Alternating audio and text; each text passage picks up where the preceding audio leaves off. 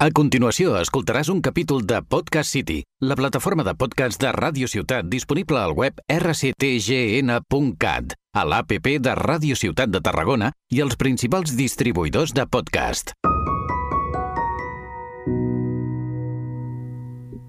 Hola, hola, amics i amigues del Cultius. Ja som aquí, hem tornat després d'unes vacances merescudíssimes. Com ha anat el vostre estiu, Gavino i Omar? Pues molt bé, amb moltes ganes de començar aquesta nova temporada.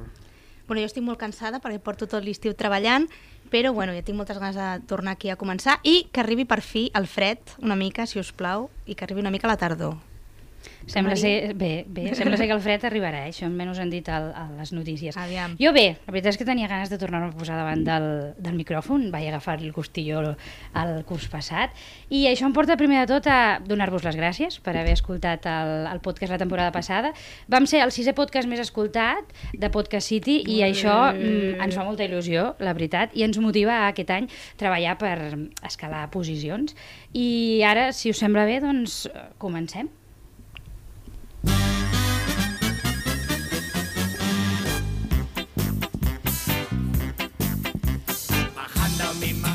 El Piscolabis del Cultius, el podcast que et deixarà amb ganes de més.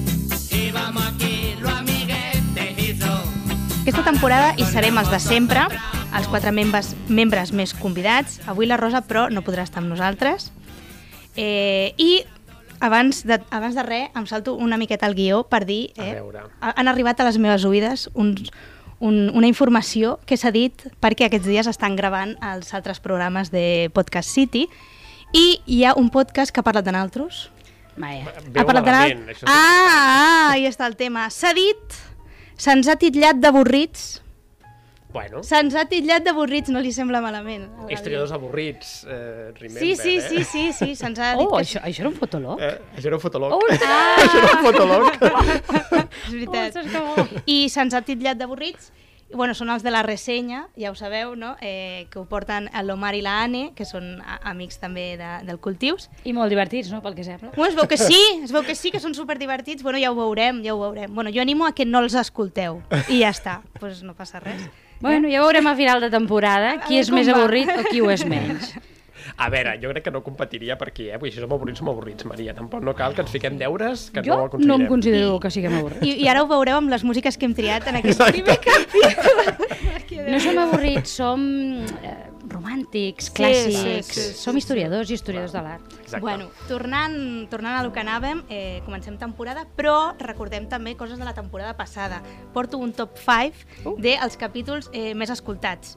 I en cinquè lloc tenim eh, el, el cinquè més escoltat va ser el de folklore amb l'Antoni Ubiols, Bé, molt bé, molt bé. el quart el de música amb la Lara Álvarez, La Lara, una assídua ja del, Sí, del cultiu sí, i del sí. piscolabis, molt bé. el tercer el Mar amb la Ida Sánchez, Molt bé. el segon l'especial de dones amb la Jordina Estupà, Helena Casas, Júlia Mas i Lara Álvarez, Mhm. i el primer, les repúbliques, amb l'Omar, justament, Justament, anava a dir, justament, justament, quina vaja. ràbia, eh? Pues ja el convidarem.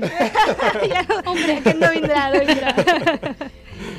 I no res, re- us recordem que els podeu, els podeu tornar a escoltar a través de Spotify o de la web de Podcast City, de Ràdio Ciutat, de Tarragona, i no res.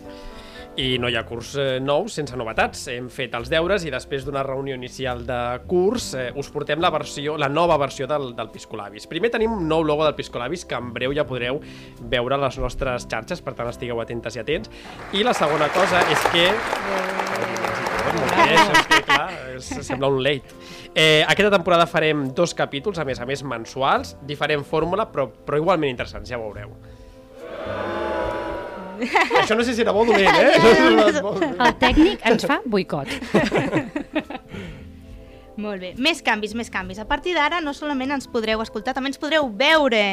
Qual és mi càmera? Qual és mi càmera? Bueno, bueno, bueno. Uh, aquest, el, aquest primer encara no sabem ben bé si el podreu veure o només escoltar, però eh, hi ha la idea de que alguns, o la majoria, o tots, es puguin no només escoltar, sinó també veure a Spotify, a, bueno, a Spotify no, però a Anava a dir. YouTube, YouTube i Twitch. Twitch. Ah, exacte, exacte. Cada vegada estem més in a les plataformes, eh?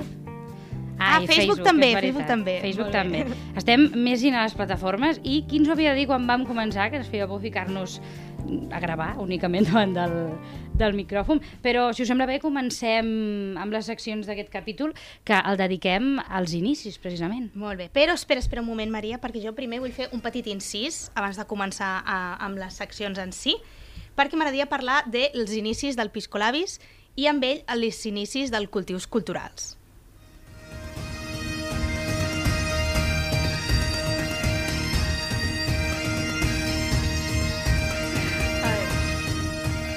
Molt bé. Uh, al febrer de 2013, l'Antoni, el Ricard i jo, els membres fundadors, vam iniciar un blog a Blogspot, mira si fa temps. Això, mira és si de, fa temps. està, això està al nivell del fotolog. És que, és que fa molt que de és temps. l'època, eh? Clar, És clar, clar, clar. Era, era una plataforma no, on volíem parlar d'art, de cultura, ja que havíem acabat de fer història de l'art i no sabíem molt bé com ens aniria la vida ni a on, a on aniríem, així que naixia el Cultius Cultural. S'ha de dir, per qui no ho estigui llant, que nosaltres som l'equip actual del Cultius Culturals, un blog cultural que té un podcast i aquest podcast és el Piscolabis. Ah, exacte.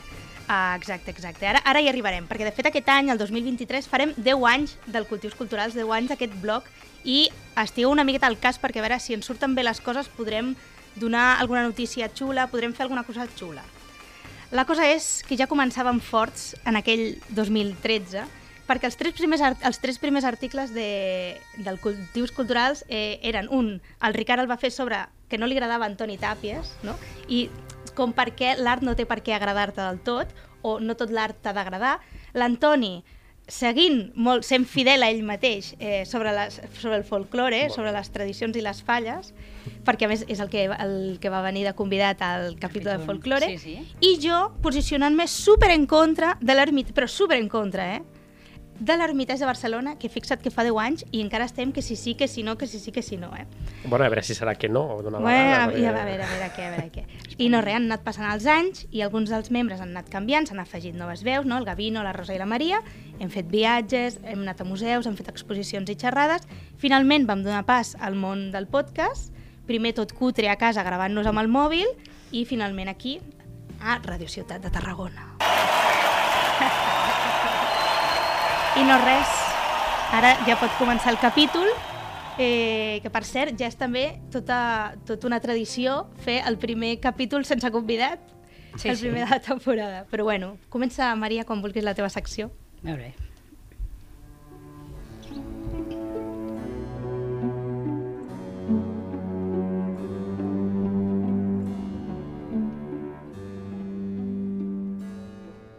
Amics i amigues eh, del Piscolabis, sóc la Maria Pérez.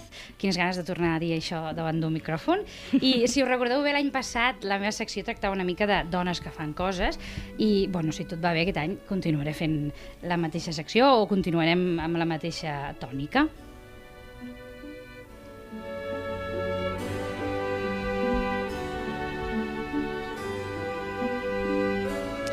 Avui estem d'inicis, de principis, podríem dir que de l'inici de tot.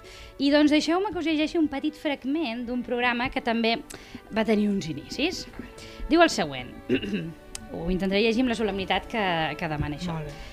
El matrimonio es una cosa muy seria, siendo un lazo de unión tan grande que es imposible romperlo. Le aconsejo que procure complacer a su esposo. Ep. Aún en los pequeños detalles, no le lleve la contraria Ep. y haga lo que él desee. Mucha resignación, querida. Rece y pídaselo a Dios. Apa, Déu-n'hi-do, eh? Sa- Déu-n'hi-do. He començat fort, eh, aquest any. molt bé. Sabeu de qui és, això? No, sé, però espero que sigui de fa molt, molt de temps. Eh? Ja, ja, bueno, o podria ser... Ja, de, de, ja, ja, és que malauradament, clar, malauradament. Ja, el tema, el tema... pues és de fa molt de temps, però Per no sort. tant com voldríem. És la resposta que es dona dins del programa Consultorio para la Mujer d'Helena Francis Ah. a la carta d'un oient que li explicava que el seu marit eh, li era infidel. Ah, i clar, era culpa d'ella. Ah, amiga. No m'adelanteu coses que ja Ai, me- perdó, que ja perdó, m'esteu- perdó, clar. m'esteu destrossant a la secció.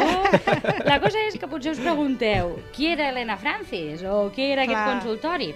Doncs va ser un programa de ràdio que es va emetre entre el 47 i el 84, per tant, durant 40 el franquisme anys, i una eh? miqueta arribada ja eh, la democràcia, transició i la, i la segona democràcia.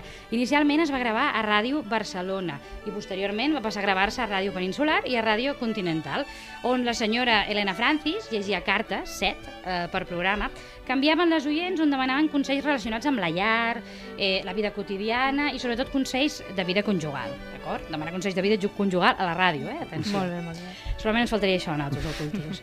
Però d'on surt tot plegat la idea d'aquest eh, consultori, no? Darrere no hi havia res més, ja en aquell temps, que una estratègia de màrqueting. Ah. José Fardera i Francisca Elena Vescalvet, Francisca Elena, consultiu Elena Francis, eh? ja, ja ho no ho veieu. Ai, no ho havia entès, no ho havia eren, entès. eh, els, com si diguéssim, eren els propietaris de l'Institut de la Belleza Francis, que es va crear l'any 1940, i gràcies a l'amistat que tenien amb el director de Ràdio Barcelona, Ramon Barbat, van poder engegar aquest projecte d'emetre un programa publicitari en forma de consultori. El model era senzillíssim. Consells de bellesa per les oients on de pas recomanaven els seus productes. Bueno, bueno, negoci rodó. I tant. El que inicialment era un programa de consells de bellesa, al final es va convertir en un consultori per la dona on majoritàriament es va acabar tractant temes sentimentals. Les contestacions que donava Helena Francis, que és un personatge de ficció, com ja heu vist, el nom és un joc amb el nom de la directora d'aquests instituts, el llegien les locutores Maria Garriga, Rosario Cavaller i Maruja Fernández, que aquesta va ser la que més popular i la més longeva. Atenció perquè aquí ve com l'entramat de tot plegat. Aquestes contes- contestacions eh, no les feien elles mateixes, sinó que les feien els guionistes i els redactors, i la principal figura que les gestava era Àngela Castells, que era membre de la secció femenina i del Patronato de Protecció de la Mujer, que lluny de protegir-la, eh, feia, entre altres coses, informes amb dades recollides per un organisme anomenat, atenció, Liga Espanyola contra la Pública i Moralitat. Mare meva. Bueno, bueno, bueno. A partir del 66, recordeu que aquest programa comença el 47, a partir del 66 fou el periodista i expert taurí Juan Soto Viñales, qui eh, passa a redactar les contestacions d'aquestes cartes. Homes aconsellant a dones. Vaja. Us sona el Vaja. famós mansplaining? Bueno, déu-n'hi-do, eh, déu nhi -do. Bueno, això a la Bravo ja, ja devia passar, eh? Vull dir, La Bravo passava. és el consultorio d'Helena Francis de, de, nostra de, dels generació. 80 i dels 90. La sí, Bravo, sí, sí. terrible. Feia molt que no escoltava aquest nom, eh? La veritat és que hem de dir que era un dels primers programes que es feien a la ràdio espanyola, adreçat íntegrament a la dona i guionitzat eh, per dones. Ja heu pogut veure que he parlat, entre d'altres, de la secció femenina, d'Acció Catòlica, de la Lliga contra la Pública Immoralitat, així que darrere dels consells que es donaven a les oients es volia reforçar l'ideal de dona del franquisme. I potser us pregunteu, com era aquest ideal de dona del franquisme? Cito textualment de les bases eh, fundacionals de la secció femenina com havia de ser aquesta dona, atenció. Debía ser una mujer femenina, abnegada, entregada a las tareas propias de su sexo, sumisa, austera, volcada en los demás, invisible, subordinada y comple- complementaria al varón. Invisible, eh? Lo Ja d'invisible, està, eh? A mi eh? també m'agrada molt, lo Ja, d'invisible. pam. Sí, sí, eh? atenció, eh? Les contestacions a les cartes tenien, evidentment, un missatge subliminal de resignació i d'aguantar eh, passés el que passés dintre eh, d'aquell matrimoni o passés el que passés a la vida de la persona que enviava eh, la carta. Sempre, evidentment, es dedueix la culpabilitat, que abans ja ho hem, ja ho hem dit, Mm. de la dona en qualsevol cosa. Us posaré alguns exemples. Hi havia cartes on les dones explicaven que els seus homes es veien amb altres homes, eh, per tant eren homo- homosexuals. La culpa sí. era d'elles, Ah. d'acord? Ah. Per, eh, entre altres coses, pues, mm, desatendre els seus marits i no saber actuar adequadament. Moltes d'elles, per exemple, explicaven situacions d'abús laboral, d'abús eh, sexual en l'àmbit eh, laboral. Doncs la resposta era que també era culpa d'elles, perquè Això segur que anaven provocatives Segur. Clar, i mm, una dona no havia d'anar És que malauradament això encara se sent, eh? Sí, sí, sí, dir- sí. Ja, ja, per això us he dit que és de fa ja, ja, temps, ja, però sí, sí. hi ha casos que avui en dia encara ens ressonen bastant. Per exemple, eh, si els seus eh, marits eren infidels, també era culpa d'elles per desentendre les funcions conjugals i, evidentment, normalitzava la- l'adulteri per part dels homes perquè, ves, eren homes i se'ls havia de perdonar perquè era una necessitat vital. I aquella No cosa de les lo que no te dan en casa, no? Com Ah, és allò de tienes que buscar fora, fuera. que buscar. Per això era culpa d'elles, no? No la des en casa, Clar. ho busquen fora. Però, per exemple, si una dona quedava embarassada, sense estar casada, en aquest cas, eh, primer, d'una manera subtil, li deia que era una fresca. Sí, sí. I després, eh, li deia que l'home tenia dret a desentendre's. Clar, clar, clar. Com era una fresca. Clar, qui, home. qui es casa amb una fresca? És que clar, home. Vull dir, com ho veieu tot això? Oi, és, és com a únic home, totalment. com a únic home de l'equip, no jo, eh? És que és A veure, Gavi, no terrible. opines, tu? és que és, és, és terrible perquè algunes coses, com heu dit, en ressonen avui en dia. és que malauradament. I és trist Sí, sí. perquè... Ojalà sonés bé tot això que dius. pues no sona bé, no, No, no sona no. tan bé, malauradament. Per cert, ara també una cosa divertida per, per donar-li un toc així, però no ho és. Sabeu qui supervisava les respostes a les cartes? Pues Qui? doncs estaria, no sé, el censor o algo, no? Per allà. Bueno, primer de tot hi havia cartes que s'emitien i cartes que no, Sí. d'acord? Eh, que es feien, o sigui, sempre es, es contestava per correu privat, d'acord? Però n'hi havia algunes que també es feia radiofònicament. Doncs, sacerdots i psicòlegs. Oh, oh, oh, oh. Tots ells homes, d'acord? Les cartes clar. que tenien un contingut més delicat, sí? He posat delicat entre cometes perquè ara us ho explicaré. Es marcaven perquè no es fes pública la resposta en antena i es fes per correu eh, privat. I potser us pregunteu què podien contenir aquelles cartes més delicades, Clar, no? clar, clar. Maltractaments, Vaja, violacions, bueno. abusos sexuals i casos de pederàstia. Bueno, m'alegro que almenys això sigui delicat i que no diguin abús sexual, bueno, és culpa Bueno, teva. és que la resposta segurament seria La que és culpa resposta teva, eh? la que anaven dir- aquesta tenien, línia, tenien eh? la dignitat de no ficar un antena. Ah, sí, llavors dir- anava el sacerdot de turno i ficava dos puntets a la carta, en plan, això no traieu en antena. Que fort. Que... Total, tot això ho sabem, um, evidentment, no perquè des del consultori s'hagi fet públic, sinó perquè l'any 2005, en una masia abandonada a Cornellà de Llobregat, recordeu que inicialment es gravava a Ràdio Barcelona, es van trobar desenes de sacs que contenien més d'un milió de cartes inèdites adreçades a la mateixa persona, Elena Francis, d'acord? L'Arxiu Comarcal del Baix Llobregat va dur a terme un estudi de les cartes que es van quedar i aquest estudi el van portar a terme bàsicament Rosario Fontanova, que era periodista, o és periodista, i el catedràtic de comunicació Armand Balcebre. El resultat d'aquest estudi fou la publicació d'un llibre, Les cartes d'Helena Francis, una educació, una educació bajo el franquismo. És en aquest llibre on hem pogut veure part d'aquest contingut delicat i ser conscients del que s'amagava darrere d'un inofensiu consultori inicialment de bellesa. Jo, personalment, com a dona, eh, m'indigna, bueno, i com a historiadora també, perquè això ho hem treballat molt, m'indigna molt pensar com es va tractar les dones durant el franquisme, però també admiro la capacitat de resiliència que van tenir elles i que a poc a poc van, eh, malgrat aquests consells mm, antics, van anar conquerint espais de l'esfera pública i ens van aplanar el camí per totes les que vam, van venir després. El programa eh, va continuar, d'acord? La vida també, i va arribar la democràcia. D'acord? Amb l'arribada de la democràcia van arribar fites importants a nivell social i sobretot per les dones, en particular el divorci, per exemple, i la famosa píldora del dia després, d'acord? El fet de que tu poguessis eh, avortar eh, si volies amb aquesta píldora. Espanya caminava cap al canvi, però el consultori d'Helena Francis no. Vaja. Seguia donant els mateixos consells, permeteu-me que ho digui, rancis i antiquats que donava durant el franquisme. El que va fer que poquet a poquet eh, perdés audiència fins que fou Menys mal. clausurat l'any 1984. Vull recordar que som del 1989. És que, Sí, que pels fort, és que pels es fa no l'haguéssim pogut O escoltar. sigui, és Fa no molt res. recent quan es va Sí, sí. eh, clausurar aquest programa. I fins aquí la meva avui breu secció, que ha parlat, de, en aquest sentit, de- d'un dels primers programes radiofònics en format consultori per dones i guionitzat per dones a l'estat espanyol. Lluny eh, queden aquells consells i aquell ideal de dona, a poc a poc anem eh, trencant esquemes antics. Avui en dia són moltes les dones que estan al capdavant de programes de ràdio, de podcast, eh, molts d'elles eh, i molts d'aquests eh, programes amb tendència feminista, més que necessària encara avui en dia. I a la meva llista eh, d'aquestes dones que estan al món radiofònic i aquests programes mai falla, per exemple, De forma semanal, Oye Polo, Estirando el chicle, La maja sesuda o Les dones i els dies. Molt bé. Jo afegiria gent de merda, també, que Gent són de molt merda. guais. Escolteu algun altre podcast, també, altres, que hi hagi participin dones? Sí, que participin dones, eh, sí. La ressenya. La... No, la ressenya no. És que el tècnic ens està boicotejant, però la ressenya és avorrida, no, no La ressenya fatal, fatal. No Doncs si no... Nosaltres- ser imparcial. Nosaltres encomanem al, al, als oients i a les oients que si no escolten aquests podcasts, que ho facin perquè sempre són molt interessants i que també escoltin el nostre, Ah, molt que bé. també hi ha Ah, dones, ah, d'acord? I és molt, bé, interessant. Molt bé. Molt.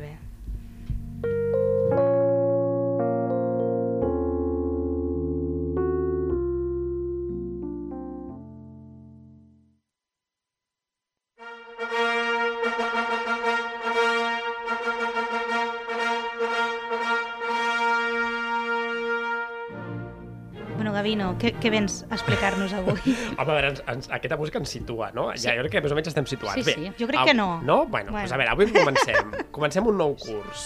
Sí. El curs, a més a més, el nostre desè aniversari, que ja hem dit, i que la temàtica que tenim és la de començar, la de recomençar, la d'iniciar, la de reiniciar-se. Avui us parlaré d'un dels últims grans i faraònics reinicis. Parlarem del reinici del Museu Egipci. Ja intuïu de què anirà la meva secció aquesta temporada, no? Sí, de museus, Seguirem, sí, sí, sí. seguirem amb museus. Sí, quan una cosa agrada, Ja. no cal canviar-la. Ho dius perquè tu tampoc canvies la teva, Clar, no? correcte. Molt bé, Maria, m'agrada. evidentment, evidentment. I si parlem de museus, un dels més emblemàtics a nivell mundial és el Museu Egipci, el qual, i d'aquí la cançó que us he ficat, com sabeu, la seva història, eh, la seva històrica seu es troba a la plaça Tahrir del Caire, allà on les primaveres àrabs, una plaça vaja on passen les coses més importants del país, tant les bones com les, com les dolentes. Des del 1902, any en el que es va inaugurar el seu edifici neoclàssics, eh? ai, els neo, eh? els neoestils, total, que aquest edifici neoclàssic era on estaven les peces més importants de l'antiguitat egípcia. Si més no, les que no havien estat espoliades per Occident, com aquelles peces repartides pels grans museus europeus i americans, o regalades directament pels propis dirigents locals a, a dirigents occidentals, com per exemple l'obelisc de la plaça de la Concòrdia de París, un regal eh, a Napoleó a canvi d'un rellotge que, per cert, eh, encara segueix posat allà a la ciutadella d'Al Caire i que no ha funcionat mai, i que a dia d'avui segueix Molt sense bé, funcionar. molt O sigui, bé, el canvi bé, va ser... bé. Fin. Eh, o d'altres regals més propers, com el del Temple de Devot, eh, que està a Madrid, regalat a Espanya per haver finançat parcialment la salvació de diversos temples que anaven a quedar negats per l'aigua i que, en lloc de negats a l'aigua, han quedat repartits pel món. En fi. Eh, però bé, que sempre acabo obrint melons que no venen al cas. El que sí que ve al cas és que Amo sense espoli, el Museu Egipci, compta amb un fos de més de 150.000 peces catalogades. Clar, penseu que l'edifici eh, va, estava pensat per les 20.000 que hi havia a principis del segle XX. Eh, per tant, imagineu-vos la sensació de, de magatzem que, que hi hauria. Jo, perdó, eh? Jo m'imagino el tècnic de magatzems d'aquest museu demanant baixes constantment per estrès. Per O, no o ja, al no sé revés, arriba un clar, punt que diu, ja no cal oh. fer res, no? Perquè ja, vull dir, com està tot allà Sí, sí, tapaït i també és muntat, ja, vull dir... Està, està precioso. Sí. Que, que està precioso. Sin pressió, sin pressió. Sí, sí, això sí. Total, que a Tahrir, eh, fins l'abril del 2021, era on estava tot. Pels nostàlgics, no patiu, perquè encara podeu anar a la seu de Tahrir, Ah, al Museu mal, Clàssic, menys mal, menys on mal. encara hi ha algunes coses, però no estan totes, Mhm. eh, perquè a l'abril de l'any passat es va començar el trasllat d'algunes de les peces més importants del museu a la nova, a la nova ubicació, al Gran Museu de la Civilització Que, Egípcia. de fet, és el que van televisar, que ho van veure. Ho Bueno, vam, de fet, ai, ho vam estar comentant. M'acabes no? de fer un spoiler Ai, perdó, com perdó. una catedral, A mi però també ja va m'ha bé, ja rebentat va una part ja del guió. No passa ja em res. callaré un rato. Doncs no, no, no, em sembla bé, em sembla bé, em sembla bé. Em sembla bé. Perquè, com deia, imagino que alguns ja sabeu de què parlo, efectivament, I tant, i eh? tant. I, i quan, eh, de fet, quan aquest museu el, el, de la civilització egípcia hauria d'estar fet fa molts anys, vull dir, jo vaig estar ja fa molts anys eh, a, a Egipte i el, i el nou edifici ja hauria d'haver estat eh, inaugurat. També, ojo al nom, eh? Museu de la civilització egípcia, espero que realment el nom faci la cosa i que, per tant, eh, la nomenclatura no és gens baladí i que vagi acompanyat d'una museografia pròpia d'un títol eh, així i com dèiem abans no sigui només un magatzem de, un magatzem de, de peces aquí eh, Clar, a el vegades meló que dèiem. els museus, per molt que no vulguem, la majoria, sobretot aquests grans, són magatzems de peces al final. Eh, el British, el Louvre, tots aquests, Totalment. són grans magatzems de peces. Al final el que fa un museu que sigui més proper a la gent o no és totes les exposicions temporals, les activitats, l'educació, eh, la, la difusió que fa... I jo no és per, si mal, no- per malmeter, però especialment, i Maria aquí ara té, té tira un dardo, tu que ets arqueòloga, especialment els arqueològics són especialistes en Sí. ser magatzem de, magatzems de peces. A veure, tot i que cada vegada menys, encara hi ha museus que desprenen aquella olor, jo sempre ho dic com a naftalina. Mm. O sigui, aquella olor antic, i no per les peces que hi tenen, sinó per la intencionalitat una mica de, de la museografia. Aquella idea clàssica i romàntica d'exposar únicament eh, lo millor les grans troballes, no? Sin contexto. I, exacte, i arqueològicament o a nivell interpretatiu és molt més interessant eh, troballes d'àmbit quotidià, encara que siguin a una escala molt més petiteta, perquè precisament t'ajuden a poder entendre i a poder conformar com eren les civilitzacions antigues, no? Em, jo vull fer un petit apunt, i és que la nova arqueologia, que es va fer més popular a partir una mica de la dècada dels anys 70, defensava precisament que l'arqueologia havia de ser més antropològica, per tant, les restes trobades havien d'anar per un estudi de les, eh, les civilitzacions, del comportament del, de les persones. I també havia de ser més científica, Totalment. basada en hipòtesis que es podien anar contrarrestant. Això entrava precisament en contra d'aquella arqueologia dels tresors no? Mhm. que havia imparat fins al moment. I a Egipte... Encara en més, encara més, Ja, sí, ja ho sí. sabem, no? Bé, doncs, eh, bàsicament, un, així era bàsicament el, el, museu, el museu egipci. Eh, després d'aquesta llarga subordinada, el que volia dir és que aquest trasllat, això que, que ens comentava abans la, la Guiomar, eh, s'hauria d'haver fet fa, fa molt de temps i es va fer bàsicament un edifici que ja era espectacular quan el vaig veure buit i, i sense inaugurar. Vull dir, de fet, tenia una cúpula en forma de piràmide que estava relacionada amb les piràmides de Gizeh, que depèn d'on els miraves. Vull dir, un locurot en plan de, amb molts diners, eh, amb molts diners invertits. Total, eh, que eh, retornant als reinicis, estem parlant d'egipci, d'Egipte, de faraons, és a dir, de coses faraòniques, i el reinici del Museu de la Civilització Egípcia va ser espectacularment faraònic. Situeu-vos, abril de l'any 2021, per tant, restriccions Covid encara a tot i ple, i faraons que han d'anar d'un museu a un altre. És evident que allò no es podia fer de matinada amb un camió de mudances. Llavors, si algú no sap del que estic parlant, que faci una recerca ràpida i busqui Desfilada Daurada Faraons 2021, que el nom Al, també... al YouTube, és que nosaltres, jo recordo que Jo nosaltres la tres... vaig Que el seguir vam- per Twitter. Que el vam comentar, oi? Estàvem- Ara estava, estàvem- abans d'entrar ho estàvem parlant amb Estàvem la per Maria. WhatsApp, estàvem per WhatsApp comentant en plan, posa la tele, fes el favor, o, o per YouTube, Sí, perquè... jo, jo, jo per Twitter la vaig seguir. Hi, hi havia música, hi havia una soprano, hi havia... Sí, co- les vestimentes. la- Una locura. Anaven, bueno... De fet, és que eh, pels que no hàgiu vist les imatges eh, i pels que les heu vist o compartiu juntament amb naltros, la qüestió és que va ser una, una bogeria, o sigui, sí. una faraonada, bueno, no m'ha sortit gaire bé de paraules, sense fanfarronada i faraoni. Ha sigut divertit. Gràcies, bueno, Maria. Deixa'm dir-te, Gavino, que, Sí. sí. i jo, que almenys, com que les van traslladar al mateix, a la mateixa ciutat, um, no van necessitar eh, un passaport, com li van haver de fer la mòmia de Ramsès II, Ah, per viatjar des de- des d'Egipte a, crec que era Anglaterra, on surt ell fet foto i fica Ah, li- any de naixement, i fica I tropecientos mil. Una fotito. Sí, sí, una Ai, foto de la mòmia. O sigui, almenys, almenys aquestes Ja, ja, no van sort. necessitar passaport. Per punt. sort, no. Divertit. Eh, per sort no, però vaja, els hi van muntar, no un passaport, però vaja, una, una gran eh, il·luminació durant tot el recorregut, que era de més de 7 quilòmetres, persones cada poc metres a banda i banda custodiant tot el recorregut, estètiques vestides de militars o altres personatges de l'Egipte antic, música de fanfàrria, carruatges, cavalls, i entremig, sortint de la històrica seu, entre carrosses, cadascuna la seva, 22 mòmies de 18 reis i 4 reines. Tot ells, tots ells en estricte ordre cronològic. I, òbviament, perquè eren faraons, no us imagineu una carrossa de la cavalca dels reixos del 5 de gener, sinó que aquests es portaven a faraons de debò. Així que eren vehicles blindats amb la forma del sarcòfag del mateix faraó o faraona que portessin dins. Eh? Vull És que era xulíssim, és que, és que és per veure-ho, això, és per veure-ho. Si de per si això ja sembla força boig, hem de parlar de la retransmissió, que és el que ens estava dient ara la Guiomar, que va fer la televisió nacional egípcia i que no entenc com no la van comprar totes les televisions del món i les van emetre eh, en directe. És, és, és, va ser espe- espectacular. Sí, sí. De fet, és, eh, és evident que un acte així té un alt component de propaganda política, no? I no sé si potser per això no la van voler eh, emetre o no, no? Perquè, de fet, el propi Al-Sisi, no? com a màxima autoritat de l'Egipte contemporani, els va rebre els faraons, no? Fent un passeillo allí Com- com el- triomfal, no? sí. Com dient, jo sóc uno, jo sóc uno d'inoi, eh? Vull dir... Sí. Això d'homes eh, que es veuen com a deïtats em Sí. sona bastant. I això de fer propaganda política amb actes eh, així també em sona perquè molt més petita escala.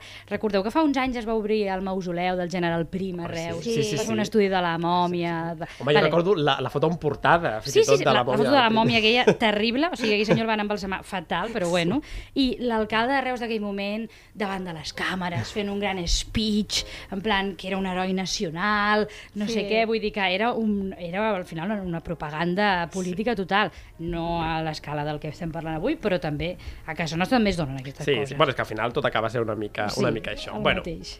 Però més enllà d'això, no, el dispendi en la retransmissió era digne de ser admirat pel món sencer.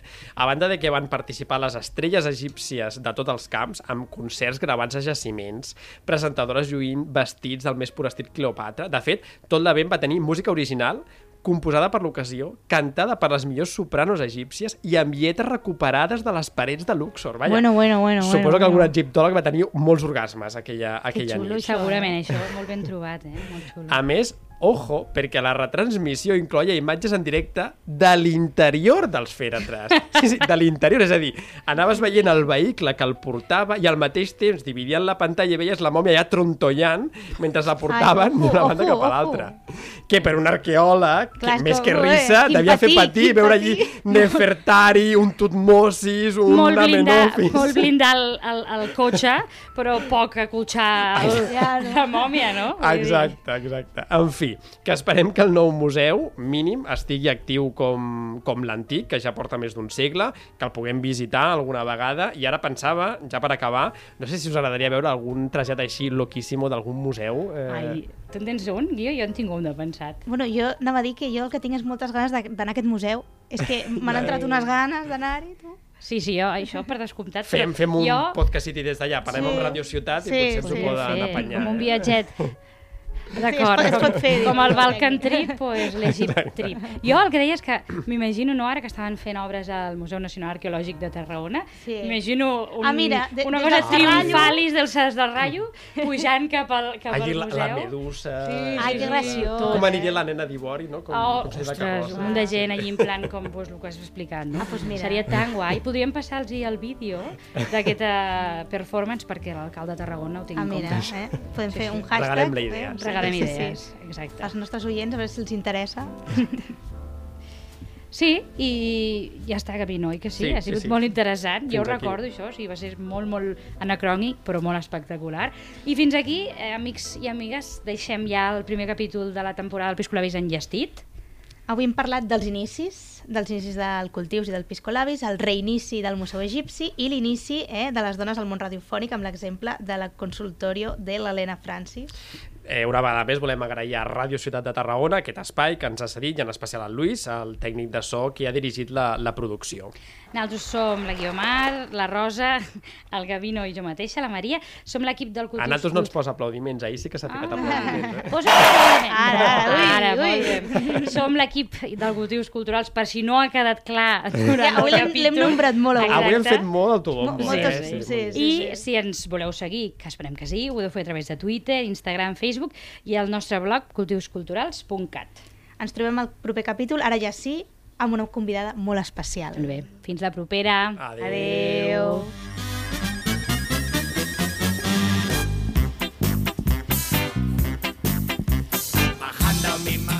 El Pisco Labis, el podcast que et deixarà amb guanyes a més. Íbamos aquí los amiguetes